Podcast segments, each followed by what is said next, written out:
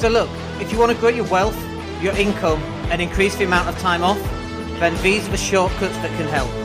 Welcome to the Wealth Creation Podcast. Hey everybody, it's Dan. Hope you're well today, and welcome to the podcast. We have not done a podcast for quite some time, and uh, we've been a little bit slack. We've been traveling pretty much everywhere um, all over summer, which has been awesome, by the way. Uh, we went to France, we did Disney, we stayed at Center Parcs, we've been to the UK, We've come back. We had a four day festival. Then we had, had guests who've just left today. It's like from the end of June all the way up to now, it's been absolutely non-stop. And so now we're just back in, in Spain. We're back at home and hopefully we'll, we'll get a few more, uh, bits of content out for you. So, and hopefully we can help you guys. And if you've got any questions that you want us to answer, then by all means, um, then just pop it in the box down below and we'll help you. But in today's session, let me say that again because I can't speak properly today. In today's session, want to talk to you about e-commerce and why you should be really converting your website over to some kind of e-commerce vacationed uh, website. And so there's four different reasons why I want to cover this. The first one, obviously, is just instant sales. Like if you've got traffic on your website and you've got a method of selling something on your website, it could be anything. It could be little pens. It could be phone cases, it could be strategy sessions, it could be websites, it could be marketing, it could be uh, plastic dinosaurs. Don't ask why I've got a plastic dinosaur hand. It was my birthday in July, and that's one of the things I got. But look, it could be anything, right? It could be useful stuff. It could be tap. It doesn't matter. Uh, it's about you having an opportunity to be able to generate some cash flow and some income and, and start getting some instant sales because you know, if, if you are able to sell something from your website and have a buyer, studies have shown that that buyer is much more likely to buy something else from you if they've already bought from you. So even if you can get the wallet out and get them to do a, a one pound transaction of some kind, studies have shown that they're much more likely to uh, buy from you as well because you've already built some trust and some relationship there. And, you know, it's definitely something for selling something low value to start the relationship off and then start to build up that sales process by starting to upsell and sell them cross, you know, cross sell and sell them more, more, more and more things. I can't speak today. I don't know what's up. Um, so getting some level of instant sales. And so that can be quite difficult, of course. If you don't know what you're doing, you don't know how to do it, or you haven't got time to do it, or you're so busy running a business, you haven't got time to implement a, uh, an e-commerce website. And that's why we're here. That's one of the things that we do. We help people with their e-commerce uh, websites and working out what's the sales funnel for making sales off that website. And um, obviously we've helped people who've got a website and it's e-commerce ready, but have never made a sale because they don't know how to then starting to help them generate more sales. And so that's one of the things that we do. But the other reason why you want to e-commerceify your website is that buying habits have definitely, definitely changed. I mean, how many times have you gone into Waterstones or PC World or Currys or whatever it happens to be, and you've gone and you've looked and you found a book to read?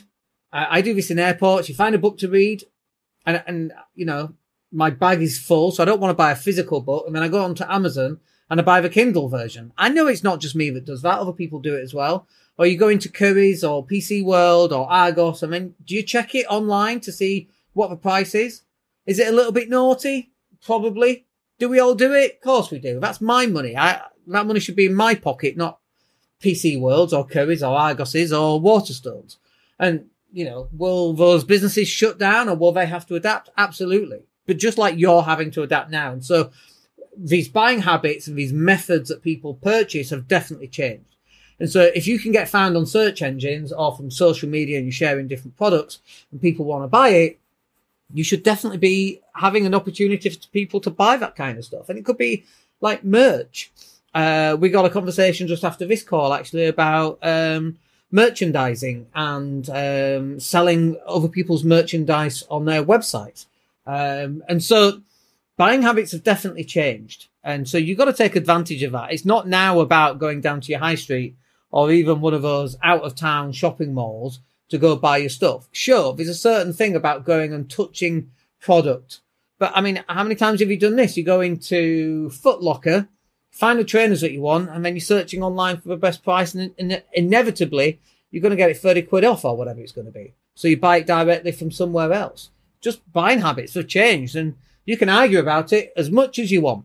but it's not going to change anything. You're going to have to adapt and uh, change your website into being able to take on e-commerce uh, transactions. And then the next one, of course, is it really does have low setup and running costs. Um, it doesn't take you that much to actually create it. The the usual part here that gets people stuck on creating an e-commerce website is they don't have the know-how. They don't know how to do it. And can you go and find out how to do it? Well, you can do, but really you just need to use somebody else that already knows how to do it so you can accelerate getting your e-commerce e-commerce website up and running and getting those sales in place. Because the chances are you don't know what you're doing and you don't know how to once you know you know how to set it up you don't know really how to sell on e-commerce because it's not the same as selling in a shop or selling on the phone. It's it's different. And so yes it does have low setup and low running costs and that's really good for an entry um, to a barrier to entry getting removing those barriers for you to get started but if you don't have the knowledge uh, it can take people months. I mean, I've spoken to people and, and, you know, we're doing their content and they're like, I'll ask them, when's your website ready? Oh, it's not ready for three weeks, uh, three months. I'm like, what do you mean it's not ready for three months? What the hell are they doing? Well, we took on a website sale today. It's Tuesday. That website will be up and running by Friday. It's like, what are you dicking around for? Like, time is not your friend here. You want to get to market as fast as humanly possible. And if you're messing about with the technology, what are you having to give up in order to make that happen. And then just finally here is it's really easily scaled. So if you start off with three products on your website, there's no reason why you can't have 200 products.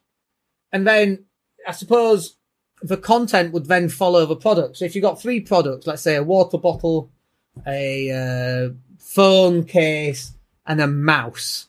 Let's say you're starting off with those three products. Can you then have, I'm, looking for more products on my desk. I've not got anything. Uh, can you then add microphones, which you can't hear, so, but here's my uh, microphone. Can you add keyboards and LED things and lights like you see in the background? Yeah, absolutely. So it's really easily scaled once you've actually started getting some traffic and once you've actually started to sell some items. It's really easily scaled.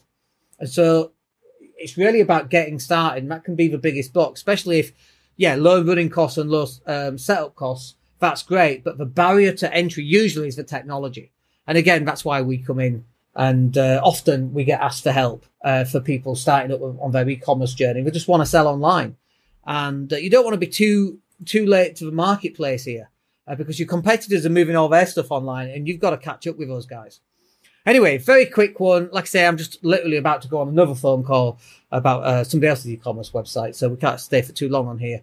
Uh, but I hope you found that useful, and we'll catch up with you on the next video. My name's Dan Latto. Have a wicked day. Take care. Hey, it's Dan here. Thank you for listening. Really appreciate each and every one of you. Please click like or subscribe to the entire podcast.